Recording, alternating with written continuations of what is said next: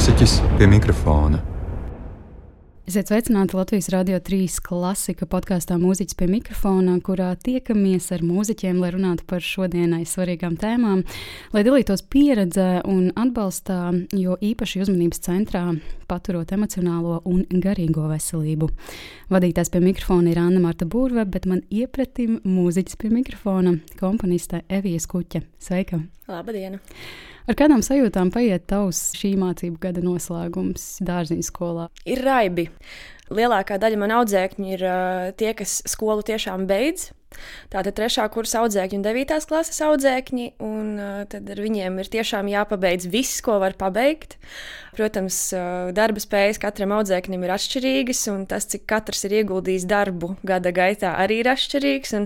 Neizbēgami arī šorīt es vēl paspēju fascinēties par dažiem jauniešiem, kuri ir izdomājuši pamosties pēc pēdējā brīža, pēdējā brīža, un, un izdomājuši, ka viņi taču var mēģināt dabūt labāku atzīmi, bet nē, tas tā nestrādā.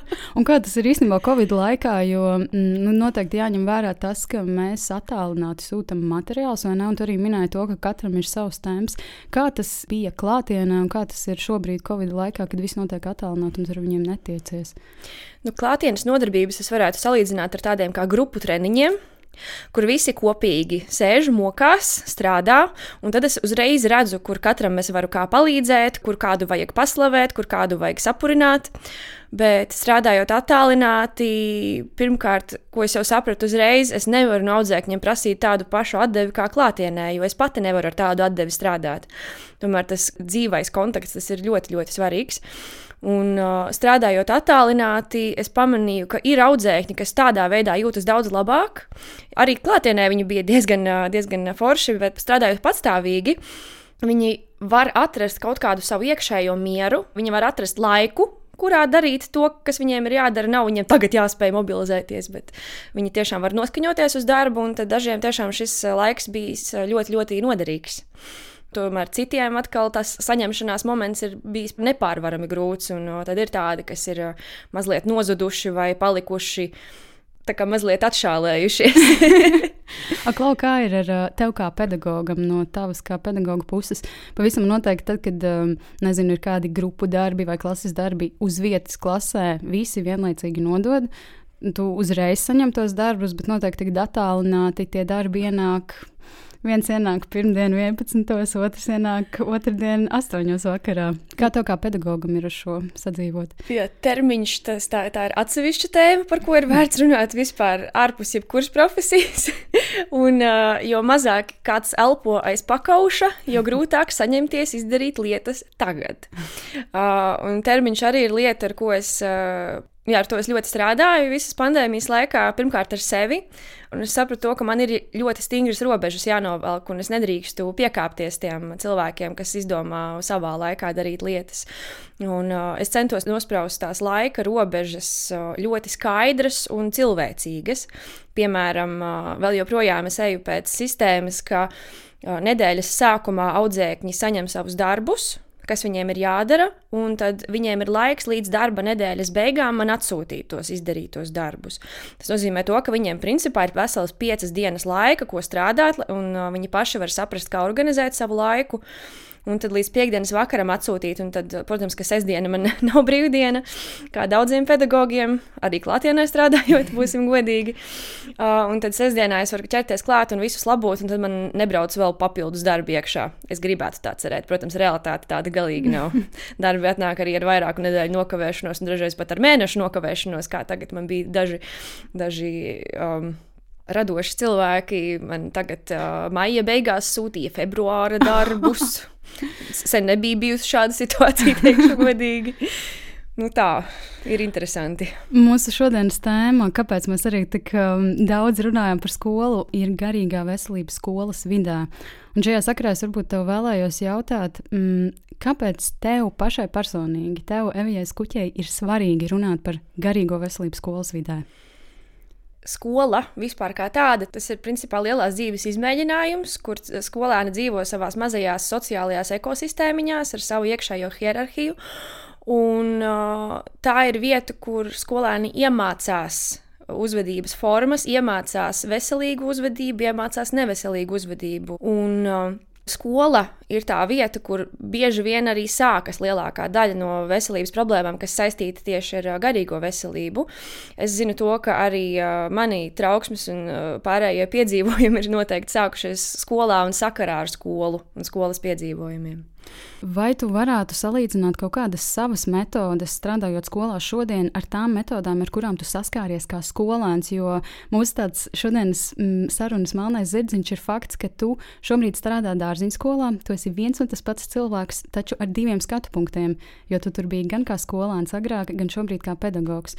Kas ir tas, kas tev kā skolēnam tolaik bija tas, kas traucēja gan emocionālajai, gan garīgai attīstībai un, un tam līdzīgi. Jā, tas, ko es cenšos ieviest savā pedagoģijā, kas man trūka, kad es mācījos skolā, ir uh, uzmanība. Es mēģinu tiešām ievērot katru no saviem audzēkņiem. Uh, tā gan jāmin tas, ka man pašai mācībās nekad nav bijis grūti. Man gāja mācībās viegli, un ar pedagogiem man nav bijušas domstarpības pārsvarā.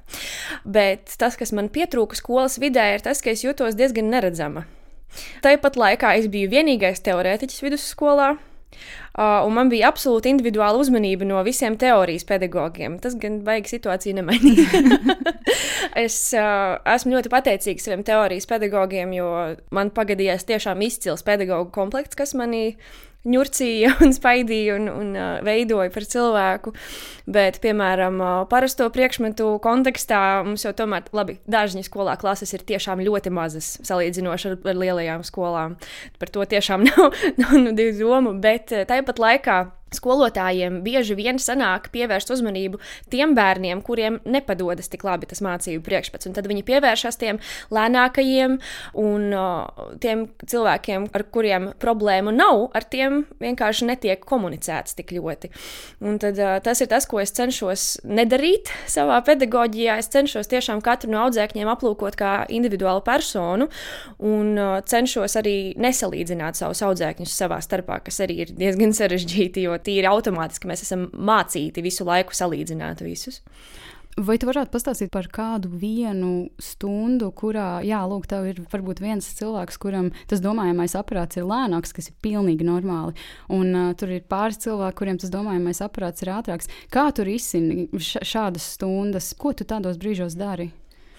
Nu, ļoti atkarīgs no tā, kas tā ir pa tēmu.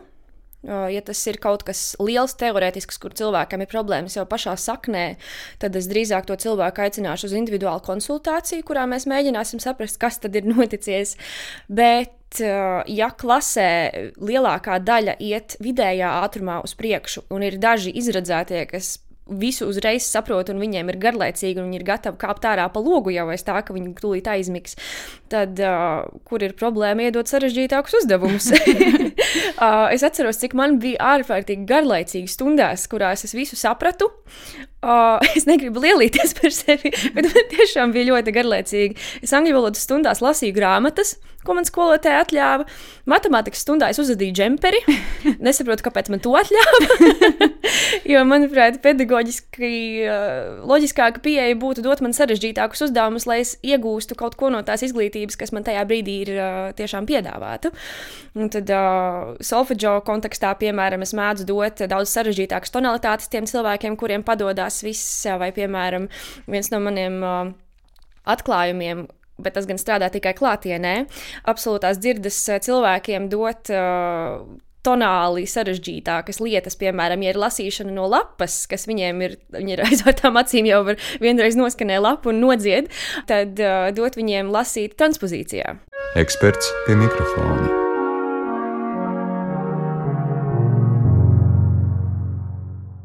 Lai padomātu, kas ir labs skolotājs, ir vērts padomāt, kas ir labs vadītājs. Tad labs vadītājs ir tas, kurš redz virzību un palīdz uzņēmumam, kolektīvam, darbiniekiem virzīties uz to. Viņam ir skats uz šo nākotni. Ja? Un viņš sekmē, ka tā nākotne tiek realizēta ar atbilstošām metodēm, kuras viņš ievieš un pārbauda, kurās viņš veido sadarbību Eh, sekmē to, ka šis padotais aug un ir taisnīgs. taisnīgi norāda uz kļūdām, bet arī izceļ ieguvumus, izceļ katra padotā spējas, tās īpaši attīsta un trūkumus nevis uh, piedēvē personībai, bet trūkums mēģina atkal ar kaut kādām noteiktām metodēm samazināt, lai no šī darbinieka nu, izgūtu, var teikt, labāko, kas ir iespējams, lai tajā uzņēmumā viss plauktu un zeltu. Un vadītājs nav draugs saviem padotajiem. Bet vadītājs var būt kaut kādās situācijās ļoti līdzīgs ar saviem padotajiem. Piemēram, ja ir sporta spēles, tad viņi visi tur skrien un velk virvi un lec un, un smējās, un visi sēž vakarā pie ugunskura. Ja? Bet tas nenozīmē, ka viņi darbā čupojas. Ja tāda tur ir kaut kāda šī distance, bet šī distance noteiktajos brīžos tiek pārkāpta. Ja? Un šī distance vai hierarhija tā balstās nevis uz tādu stingru hierarhiju. Es esmu liels, tu esi maza, es esmu gudrs, tu esi stulba. Ja? Kā, kā Matildē. Bet gan uz to, ka man ir lielāka atbildība. Man ir vairāk zināšanu, un tāpēc varbūt es pieņemu kaut kādus lielos lēmumus. Bet es noteikti daru visu iespējamo, lai arī tev, padotajam vai skolēnam, ir iespēja augt, veidot savus lēmumus. Jo iespējams, ka pēc kādiem gadiem tu būsi vadītājs, tu būsi skolotājs. Mūziķis pie mikrofona tās visas lietas, ko viņi nosauca, ir absolūti loģiskas, tādas, kādām tam būtu jābūt, bet tas gāja krasā pretrunā ar to, ko, piemēram, es skolā piedzīvoju. Vai tev radās kaut kādas um, šobrīd domas, noklausoties šo, vai arī mēs. Noklausoties šo, es uh, uztvēru to, ka es eju pareizajā virzienā.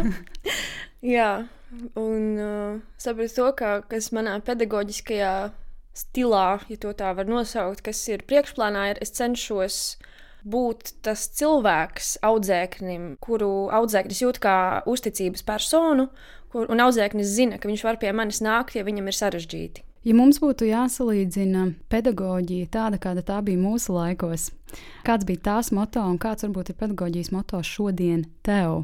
Nu, ko es esmu novērojusi laika gaitā, mm, tā padomjas laiku pedagoģija, es tevi mācīšu tagad sāk pāriet uz es tev palīdzēšu mācīties. Un tas ir absolūti tas, kā tam vajadzētu būt.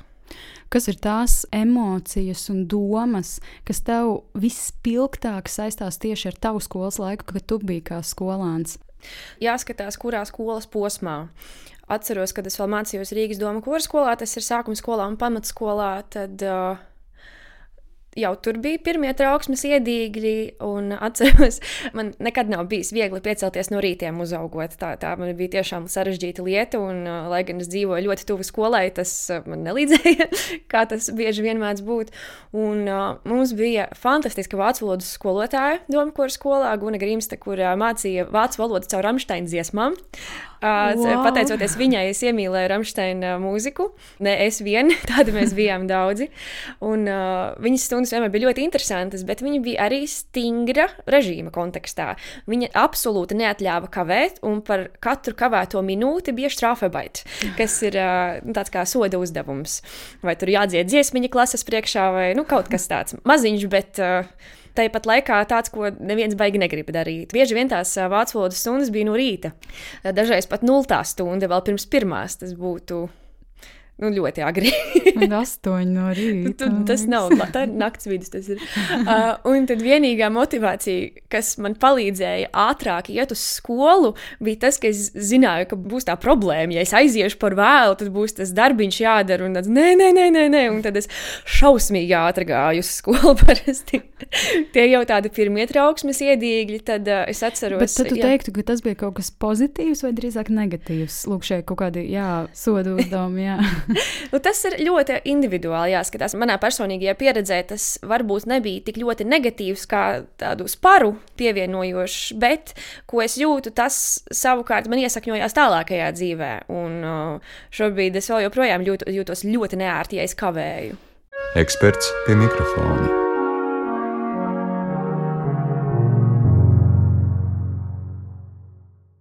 Protams, vienkāršāk ir skaldi un valdi. Ja?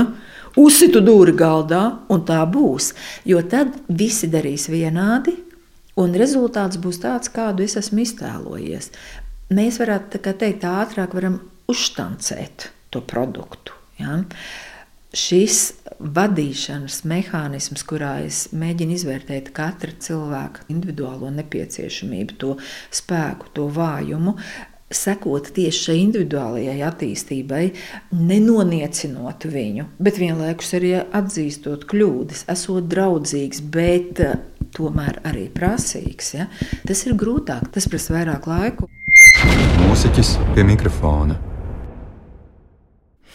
Kā, kā bija turpmāk, pēc tam, piemēram, nezinu, tu vidusskolā pārgājies dārziņu skolu? Kas būtu tās spilgtākās emocijas un domas, kas tev to laik raisījās? Jā, spilgtākās domas un emocijas, kas man raisījās, iestājoties dārziņu skolā, bija nepieņemšana. Principā nekad savā dzīvē es neesmu jutusies kā vidējais aritmētiskais cilvēks, nu, arī audzināšanas dēļ, bet uh, es reti, kad esmu varējusi brīvi iekļauties grupā. Kaut gan, ja es to gribu, es to ļoti labi varu izdarīt, bet uh, kā bērnam man tas diezgan reti, izdevās. Un iestājoties skolā, es biju tādā posmā savā dzīvē, kur uh, es biju nesen atklājusi fantastisko smagās mūzikas pasauli, kas man vēl joprojām ir sirdī ļoti tuva.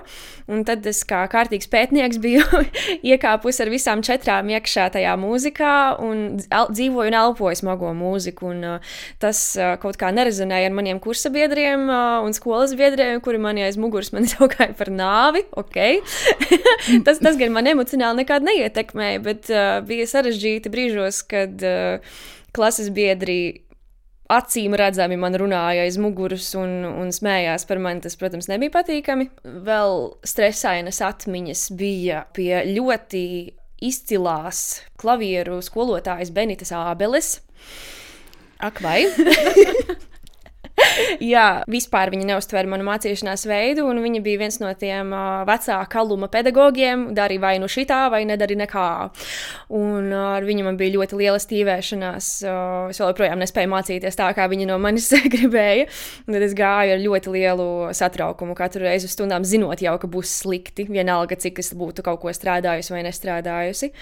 Tas, un tad laikam vislielākā Vislielākā nepatīkamā atmiņa man ir no pārbaudījumiem teorijas nodaļā, kas ir bijuši visas nodaļas priekšā. Jo ja, piemēram, es savā pedagoģijā pieeju lietā no tāda skatu punkta, ka ir forši, ka tu zini faktus, bet ko tu ar tiem faktiem vari iesākt, kā tu spēj operēt ar to informāciju, ko tu zini, tad no manis bieži vien sagaidīja statistiskas zināšanas, zināt sarakstus ar lietām, sarakstus ar skaitļiem, kas man nekad nav izdevies. Es vēl joprojām nesaprotu, kā es nokārtoju mūzikas literatūras skolā visu to statistiku. Bet, jā, un es neredzēju jēgu šādiem pārbaudījumiem, un tas bija tāds, es aizēju tās uh, pedagoģu grupas priekšā, stāstu visu, ko es varu izstāstīt, vai dziedu, vai spēlēju. Un es nesaprotu, kāpēc es to daru. Es vēl joprojām neredzu lielākajai daļai no tām zināšanām jēgu savā dzīvē šobrīd. Un kaut kā tas man šķiet ļoti muļķīgi. Un uh, vēl moments, uh, tas gan vairāk saistās ar skolas beigšanu tieši. Solfeģo beigšanas eksāmens. Es biju ļoti pašpārliecināta par sevi solfeģo. Un, uh, Parasti es stresa situācijās nesastingstu, bet solfeģo tajā beigšanas eksāmenā es dziedu, dziedu visu, kas tur jādzied, sāku domāt kaut kādu vienu punktu, mazliet uzkaros un dzirdu, ka tajā laikā skolotāja, pie kā man nekas nebija jāmācās, viņa vienkārši ļoti skaļi un izteikti nopūšas tas mani izsita no sliedēm tā, ka es vispār neko vairs neatcerējos, un uh, caur to es eksāmenā dabūju zemāku vērtējumu, nekā es būtu absolūti pelnījusi. Tas ir uh, viens spilgts moments uh, skolas garīgās veselības uh, sakarā, un tad uh, vēl viens moments, kas ir, uh, es nekad neesmu atradusies tik izteikti izmisumā kā toreiz, ir diena, kurā ir uh, latviešu mūzikas literatūras eksāmens kurā, protams, ir jāzina visi latviešu uh, komponisti līdz uh, ļoti veciem komponistiem, bet par jaunākiem komponistiem nav nekādas runas. Un uh, šajā komponistu plējādā ir viena sieviete, Lūcija Garūta, jo citu sieviešu komponistu nav. Nē, oh. Nu jā, un uh, es sēžu dārziņa skolas pašā augstākajā vietā, ko es varu atrast. Tas ir piektajā stāvā uz trepēm. Uh, leju gaužas asariņas un mēģinu saprast, kā man sev nodarīt pāri, lai man nebūtu tas eksāmenis jāpiedzīvo, jo es jūtu, ka būs briesmīgi. Un tā drausmīgā patiesībā sajūta, ka tas ir neizbēgami, jo man bija kaut kāda aptuveni līdzīga situācija patiesībā tieši Latvijas, latviešu mūzikas literatūras stundām. Un visbriesmīgākais ir tas, ka kaut kādā veidā, vai nu tie ir konkrēti pedagoģi, vai arī vispār visa tā skolas, tā atmosfēra, kas valda. Nu, tas tā neies jau kādam lūgt palīdzību un teikt, ka tagad ir slikti, jo to es savukārt nejūtu īsti no saviem pedagogiem. Es zināju, ka piemēram, teorijas pedagogi, tie, ar kuriem es jūtos mazliet tuvāk, ka jā, viņi, viņi mani neatgrūdīs, bet es līdz galam nejūtu ka viņi varētu mani pieņemt. Tagad, racionāli skatoties, es absolūti saprotu, ka, ja es būtu gājusi un runājusi par lietām, tad viņi būtu mani pieņēmuši un atbalstījuši, bet es to nejūtu tajā brīdī, kad man tas bija nepieciešams. Un šis ir tas aspekts, pie kā es tieši cenšos strādāt kā pedagogs ikdienā radīt audzēknim to atmosfēru, ka viņš var pie manis pienākt un pateikt, klausies, nav šodien. Klau, kā ir ar taviem skolēniem? Tev arī tā skolas pieredze ir bijusi ļoti, gala pasaka, krāsaina un dažāda, vai ne? Vai tev izdodas tagad arī novērot šīs katra skolēna individuālās kaut kādas īpašības, vai arī tu jūti, ka mm, šim varētu būt trauksme, kaut kādas uz trauksmi tendētas īpašības? Kā tu ar viņiem tad komunicē, vai tas ir kaut kā citādāk, vai tas ir arī ārpus kabineta, kaut kādā veidā palīdzot viņiem. Te ir jāmin tas, ka par trauksmi es runāju atklāti stundās ar visiem, redzot, kā viņi vibrē no stresa, kad tuvojas kaut vai tehniskā ieskaita savā instrumentā, un ka viņi tur gandrīz apčurājušies, sēž šausmās, un oh, es nevaru koncentrēties uz stundu, jo man tūlīt ir jāspēlē gammas. Come on! tas tā. Eh, es mēģinu ar viņiem runāt par to, ka tas vērtējums, ko viņi iegūs, nav tik svarīgs. Lai gan daudz mani kolēģi man nepiekritīs, es mēģinu ar viņiem runāt par to, ka ir jāsaprot, kas ir tas, kas viņus biedē Kas ir tas stresa avots? Jo ne jau atzīme ir stresa avots. Tas ir kaut kādas emocijas, kas viņiem ir aizsījušās mācību procesā, ko viņiem ir varbūt iemācījuši skolotāji, varbūt iemācījuši vecāki vai kādi kolēģi vēl.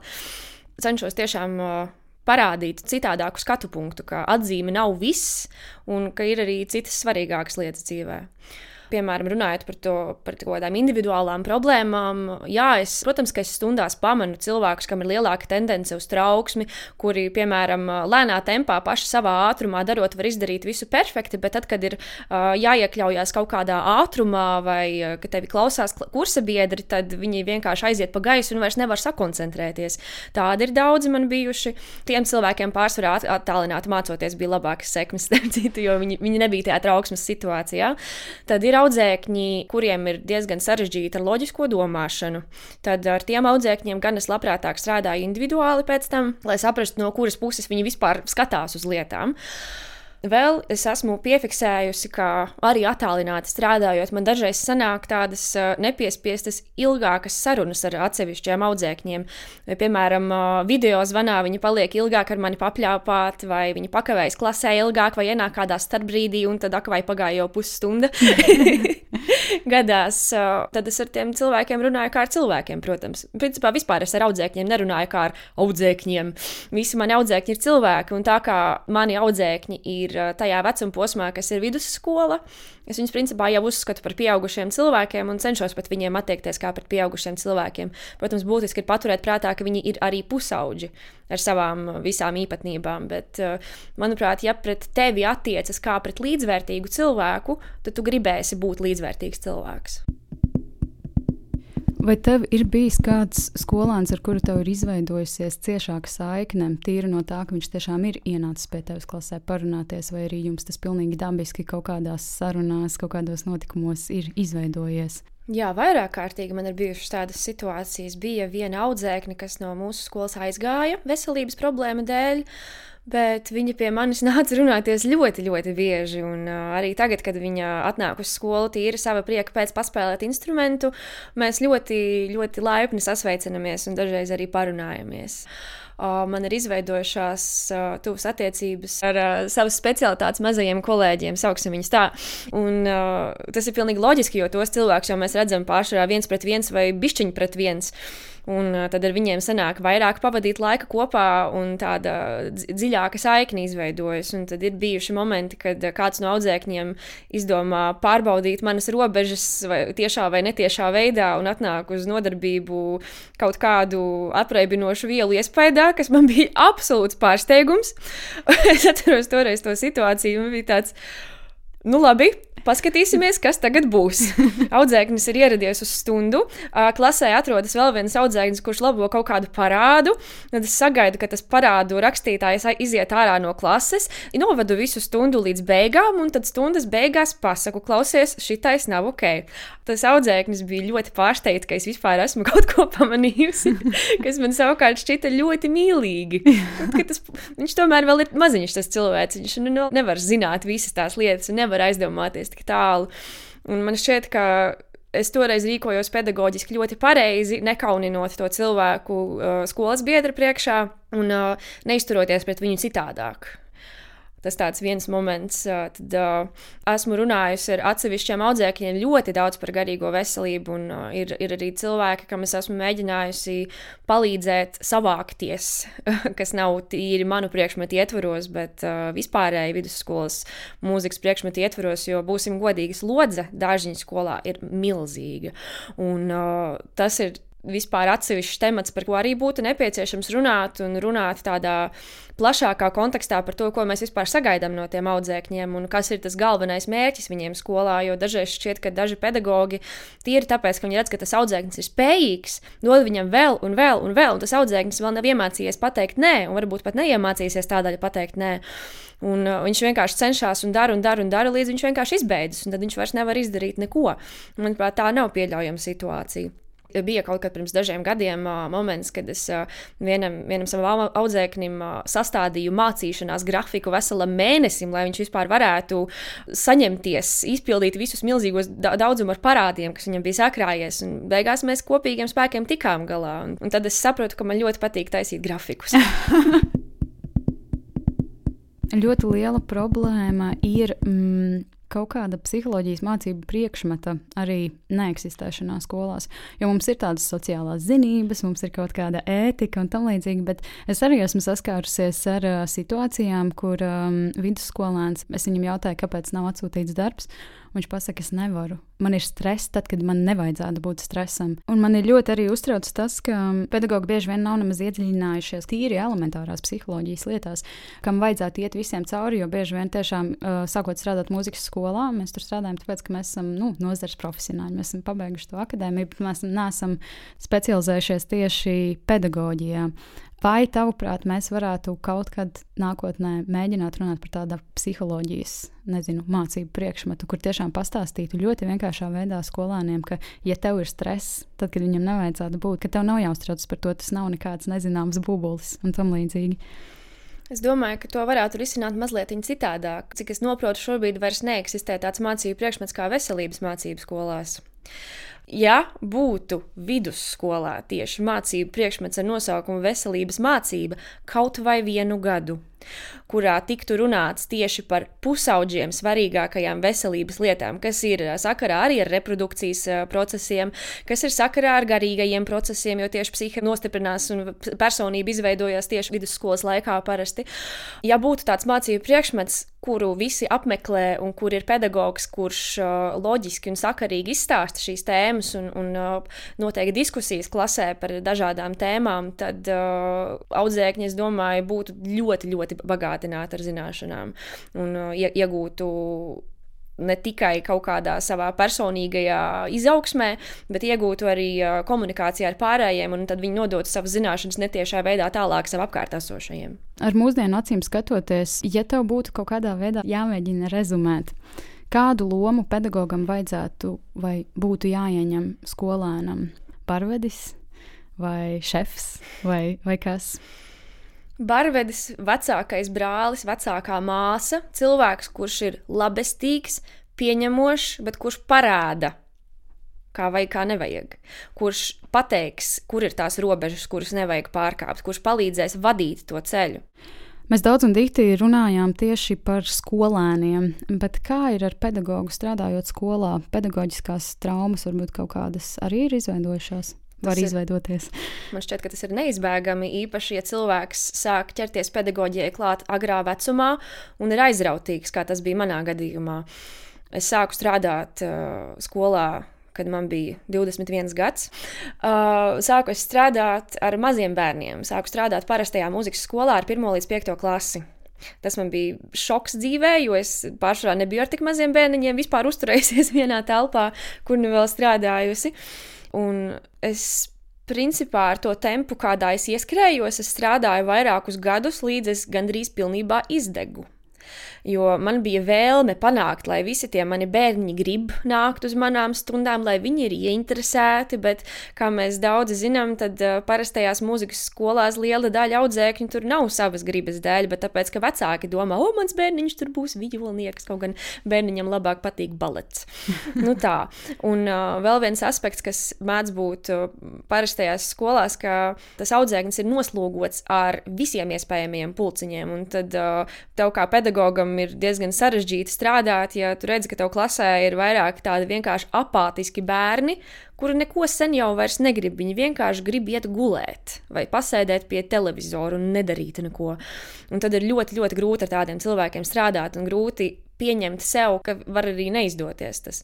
Un, Par pedagoģiskām traumām vēl runājot, es esmu um, tiešām tikai caur kaut kādiem savām veselības problēmām sapratusi, ka es nevaru turpināt strādāt tādā konvejerā kā līdz šim. Piemēram, pagājušā gada novembrī es, uh, es atķēru depresiju, un uh, brīdis, kas man lika vispār saprast, ka kaut kas nav kārtībā, bija, kad uh, es saprotu, ka man ir jāņem slimības lapa, jo es vispār nespēju koncentrēties uz darbu. Un tas bija arī tādēļ, ka es turpināju strādāt tajos pašos lielajos tempos un apjomos, kādos līdz šim. Un kas ir pedagogam ļoti, ļoti svarīgi atcerēties, ka pedagogam veselība ir pirmajā vietā. Un to daudziem pedagogiem ir ļoti grūti pieņemt. Es pati esmu viens no tiem pedagogiem, kas ir ar mieru ar aizsmakušu balsi turpināt runāt. Tas nekas, ka man mazliet sāp galva. Es, te, es varu izturēt, es varu vēl divas stundas izturēt, es varu vēl nedēļu izturēt, es varu vēl gadu izturēt, es varu vēl. Un tā tas turpinās, un līdz kamēr vairs nevar izturēt, un tu vienkārši nomirsti. Un tas tomēr nav mans dzīves mērķis tuvākajā laikā. Tad ir ļoti, ļoti. Um, rūpīgi jātiecās pret savu veselību. Un tas ir kaut kas, kas arī izpaliek izglītības kontekstā, kad tu mācies par pedagogu. Ir vis kaut kādas metodikas, psiholoģijas, specifiskās metodikas, bet nerunā par to darba drošību tik izteikti, ka pedagogam ir jāsargā pašam sevi. Tad vēl par pedagoģiskām traumām runājot, man ir ļoti interesanta pieredze. Tas bija posms, kad biju nesen sākusi strādāt dārziņu skolā. Un, uh, es vēl līdz galam nejūtos kā pedagogs, bet pa pusē kā audzēknis. To es arī jūtu no saviem kolēģiem, ka viņi līdz galam mani nesaskata kā kolēģi, bet vēl tomēr redz kā to ma mazāko cilvēku. Un tad bija moments, kad kolēģe uz mani kliedza par to, ka manu audzēkņu sekmes nav gana labas. Un tāpēc nepagarināšot ar mani līgumu vasarā, bet man tāpatās jānāk atpakaļ septembrī. Un tas notika vairākus gadus no vietas. No šī brīža skatu punkta skatoties, es nesaprotu, nesaprotu, kāpēc es vispār uz to skolu gāju atpakaļ. Jo man jau nebija nekāda obligācija, bet tāpat laikā es saprotu, ka es gribu tur strādāt un es gribu palīdzēt padarīt skolas vidi uh, emocionāli drošāku. Tu minēji to pedagogu mm, ārkārtīgi lielās darba spējas un ka viņi sev tiešām dod visu. Kā tev liekas, kas ir tās lietas, kas to tik ļoti ietekmē, ka pedagogi bieži vien tiešām aizmirst padomāt par sevi? Pedagogi pārsvarā ir apzinīgi cilvēki. Ar vēlmi palīdzēt. Reti kurš pedagogs būs vienaldzīgs pret cilvēkiem, kuriem ir kādas grūtības. Un uh, tā vēlme palīdzēt, uh, psiholoģijā ir tāds uh, trīs stūris, varmāka, upuris un glābējs. Tad uh, pedagogs bieži vien būs tajā glābēja lomā. Esot par glābēju, ir ļoti bieži kļūt par upuri pašam. Es domāju, ka tas ir tieši tik vienkārši. Tu pirmie pieminēji par uh, depresijas uznākšanu novembrī. Vai tas izrietēja no šī nenormālā darba skolā, vai tas tomēr arī kaut kā mm, citādāk tev ir attīstījies? Nu, es domāju, ka neviena depresija nav tik vienkārša. Protams, ir kaut kāda galvenā impulsa, kas viņu ierosina, bet pārsvarā tā ir kompleksa situācija. Manā gadījumā tas brieda jau gadiem. Skolā iemācījos strādāt bezkaislīgi, nerūpējoties vispār par savu veselību. Pārsvarā tajās dienās, kurās bija visvairāk teorētisko priekšmetu, kur man visvairāk jāstrādā, tajās dienās man nereti bija migrēnas, kas jau bija pirmais signāls par to, ka kaut kas nav ok, ko es vienkārši izvēlējos ignorēt. Labi, es aiziešu mājās, pagulēšu, nu tad turpināšu tāpat kā līdz šim, jo migrēna tas, kas kas tāds vispār ir. Come on, ak, Dievs. nu, jā, un tad, tā, tā es turpināju močīt, un tikai turpināju krāt sev vēl darāmās lietas. Un tad bija moments, kad es studēju maģistrantūrā. Tad es studēju maģistrantūrā pilnā laikā, klātienē. Es strādāju savā bērnu skolā, es strādāju mūzikas vidusskolā, es dziedāju korī kamēr, es gāju uz cīņas mākslas treniņiem, es vēl atradu laiku, kad komponēt, un vēl man bija diezgan aktīva sociālā dzīve. Kā es to izdarīju? Man nav ne mazākās nojausmas, kāpēc es vēl joprojām esmu dzīva. Bet nu tā. Un uh, tad laikā, kad uh, es absolvēju akadēmiju, es sāku lēnām atteikties no tām savām uh, daudzajām darbībām, kas man bija ikdienā. Un uh, es pamanīju, ka mans nogurums tikai aug. Un viņš turpināja augt. Tad pirmais moments, kad es vispār jūtu, ka es varu atslābt no visa tā milzīgā vāveres riteņa, bija tad, kad iestājās pandēmijas lockdown pirmais.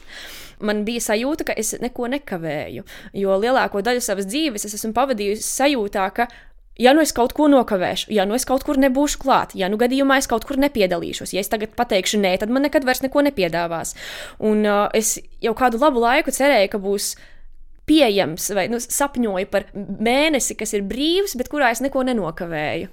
Un tagad ir uh, mistiskā kārtā tāds laiks iestājies, par ko es, protams, neesmu lielākajā sajūsmā, bet uh, no tā ir arī savi plusi. Bet par uh, konkrēti šo depresijas sāsinājumu epizodi bija tā, ka es biju pieradusi pie tās mājasēdes, un es jutos labi, es biju atradusi savu režīmu. Es izgulējos pēc vairākiem gadiem beidzot, un ēdu regulāri, kas arī mēdz būt pedagogiem problēma, īpaši klātienē strādājot. Un tad uh, septembrī atsākās kore mēģinājumi, septembrī atsākās klātienes darbs darbs, turpinājās treniņi, un es vienkārši pārcentos, un es izbeidzos. Mūziķis pie mikrofona atpūšas.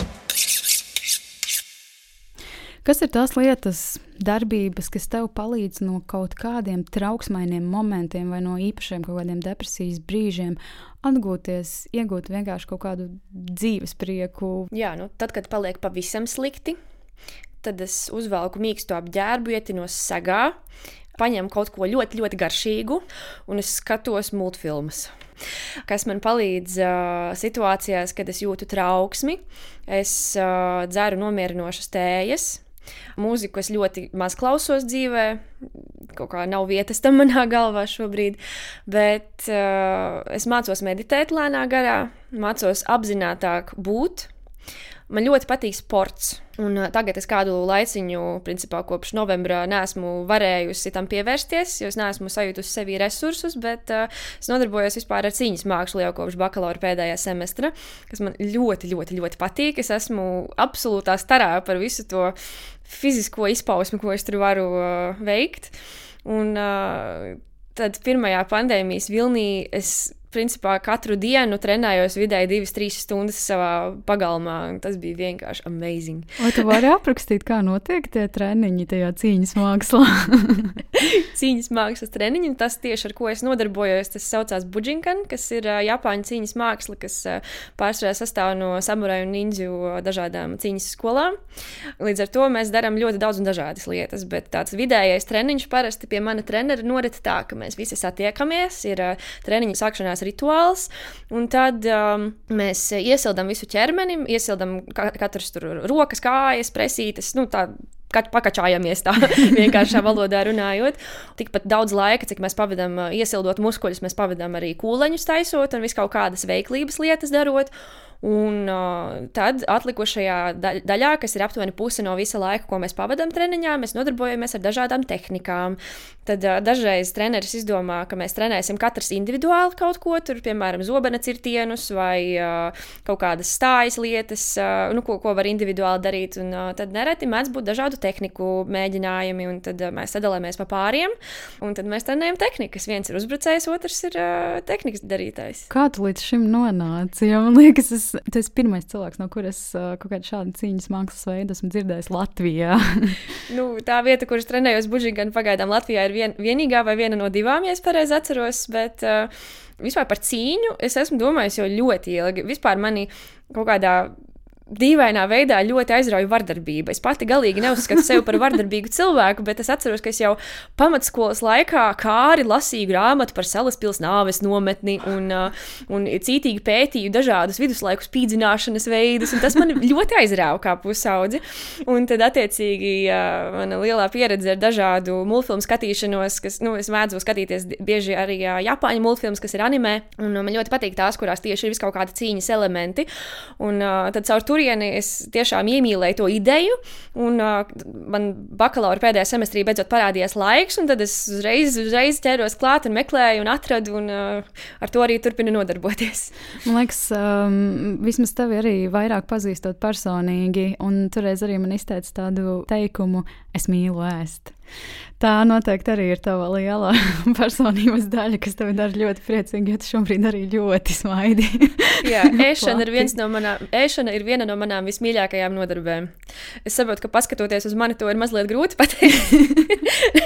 Esmu salīdzinoši neliels cilvēks, bet, uh, bet jā, ēdienas tā ir absolūti mana kaislība. Man ļoti, ļoti patīk gatavot. Un es ļoti reti, kad gatavoju pēc receptēm, man ļoti patīk improvizēt. Un uh, bieži vien, kad es gatavoju, man nav ne jausmas, kā tas garšos, ko es esmu pagatavojusi. Bet uh, pašā es nekad neesmu kļūdījusies. Labi, nevienmēr tas būs garšīgākais ēdiens pasaulē, bet ēdams vienmēr būs. un, uh, jā, gatavošana ir tiešām man absolūti kaislība. Un, uh, Jā, es vispār eh, ēst gatavošanu bieži mēdzu salīdzināt ar kompozīciju. Jo tad, kad es komponēju, es arī izvēlos sastāvdaļas, ar kurām es darbošos. Es izvēlos formu, kurā es šīs sastāvdaļas pielietošu, un tad es nodarbojos ar šo sastāvdaļu gatavošanu. Baigi forši. Kādus ēdienus, eh, es nezinu, tā ir vairāk latviešu virtuve, Latviju virtuve vai es nezinu, kaut kāda citu valstu. Kā, kā tu aprakstītu savu gatavošanas stilu? gatavošanas stils. Ak, vai pēdējā laikā tas ir kaut kāds kāds gads, apmēram mazliet vairāk, es esmu aizrāvusies ar uh, augu izcelsmes pārtikas uh, aktīvāku pielietošanu savā ēdienkartē. Gadu kā jau neēdu gaļu. Tas gan vairāk veselības apsvērumu dēļ, bet tīri domājot arī par filozofisko un humāno aspektu, tad es esmu arvien vairāk tajā iejutusies. Un, uh, jā, auga, auga izcelsmes ēdiens tas ir uh, pagaidām mans top vēl joprojām pētu ļoti daudz dažādas ēdienu kombinācijas, iepazīstos ar tofu, iepazīstos ar tempi un ar, nu, ar visu kaut ko. Un vēl ļoti klātesoši ir Japānas virtuve. Man šausmīgi garšo aļģes. Oh. es nekad nebūtu iedomājies, ka tas ir kaut kas baudāms. nu, jā, aļģis man tik tiešām garšo daudz un dažādas, un tad, jā, austrumu virtuvē viņas ir diezgan klātesošas. Un, kas man arī vēl nāk no Japāņu virtuves, ir tas, ka es, man ļoti patīk. Ēdiena sastāvdaļa dabīgā garša. Ja, piemēram, ķīnieši savā virtuvē visu mēģina nomaskēt ar miljonus garšvielām, un indiešiem garšvielas ir pamatēdienas, tad uh, Japāņu virtuvē tā garšviela ir uh, diezgan tālu no ēdiena bieži vien, un uh, tikai nedaudz kā, kā akcentiņš pieliks. Tad, uh, attiecīgi, arī savā kulinārijā es ar garšvielām uh, tā saudzīgi apējos. Kā ir ar uh, citiem rokdarbiem, jo tu esi komponists, es arī esmu par tevi daudz lasījis, par taviem kaut kādiem tehniskiem aspektiem. Tev ļoti patīk meņģēties, varētu tā teikt, ar kaut kādām mazām, sīkām lietiņām. Uh, kā ir ar kaut kādām ārpus muzikālajām lietiņām? Jā, es vispār sevi uzskatu vienkārši par ļoti radošu cilvēku, kurš izpauž savu radošumu visur, kur ir iespējams. Vidusskolas laikā un pamatskolas laikā es taisīju pati savas rotas lietas. Man ir fantastiska vecmāmiņa, kas ir izcila šuvēja, pie kuras es eju ar savu apģērba dizainu, kuru viņa man sašoja, un man ir visunikālākās drēbes. Tad uh, es pati nodarbojos ar rokdarbiem, es izšuju, es uh, taisu visu kaut kādas mazas mīlīgas dekorācijas saviem telpaugiem. domāju, Tas ka... arī Facebookā var aplūkot. Jā, vēl es ar uh, savu vīru izklaidējamies dodot uh, mūsu talpaugiem vārdus. Mums ir Doloresa, un uh, Bartolomejs un Lukrēcija, kas, starp citu, šobrīd zied. Tāda radoša pieeja principā visam. Varbūt uh, izveidojot tādu kā ārku uz mūsu sarunu, kas norisinājās pirmīt, kas būtu varbūt tāds tavs ieteikums vai novēlējums gan skolēniem, gan pedagogiem, kas klausās šo sarunu? Ko tev būtu svarīgi izlaist pasaulē? Man laikam būtu svarīgi pateikt uh, to, ka ir ļoti svarīgi iemācīties būt šeit un tagad. Jo es ļoti daudz laika savā dzīvē esmu pavadījusi domājot par pagātni, Un īpaši domājot par nākotni, atceros, kad es mācījos braukt ar auto, ko es vēl joprojām neesmu iemācījusies trauksmes dēļ. Es uh, esmu pie viena krustojuma, ceļu es jau sen zinu no galvas, un ar prātu es atrodos nevis nākamajā, bet aiz, aiz, aiz nākamajā krustojumā. Nu, tā nav varšana. un tad uh, es domāju, ka šī spēja būt šeit un tagad ir ļoti, ļoti noderīga jebkurā dzīves situācijā. Īpaši, ja sanāks atraukties, ir jāiemācās saprast, ka tu esi satraucies un apstāties un paskatīties, kur tu esi, un saprast, ka patiesībā tev neviens neuzbruks, patiesībā tu esi drošībā. Ar šo brīnišķīgo novēlējumu dzīvot šeit un tagad arī dzen, mēs varētu noslēgt mūsu sarunu. Un lielu, lielu paldies saku tev, Evija, par mūsu sarunu. Paldies par iespēju! Mūziķis pie mikrofona.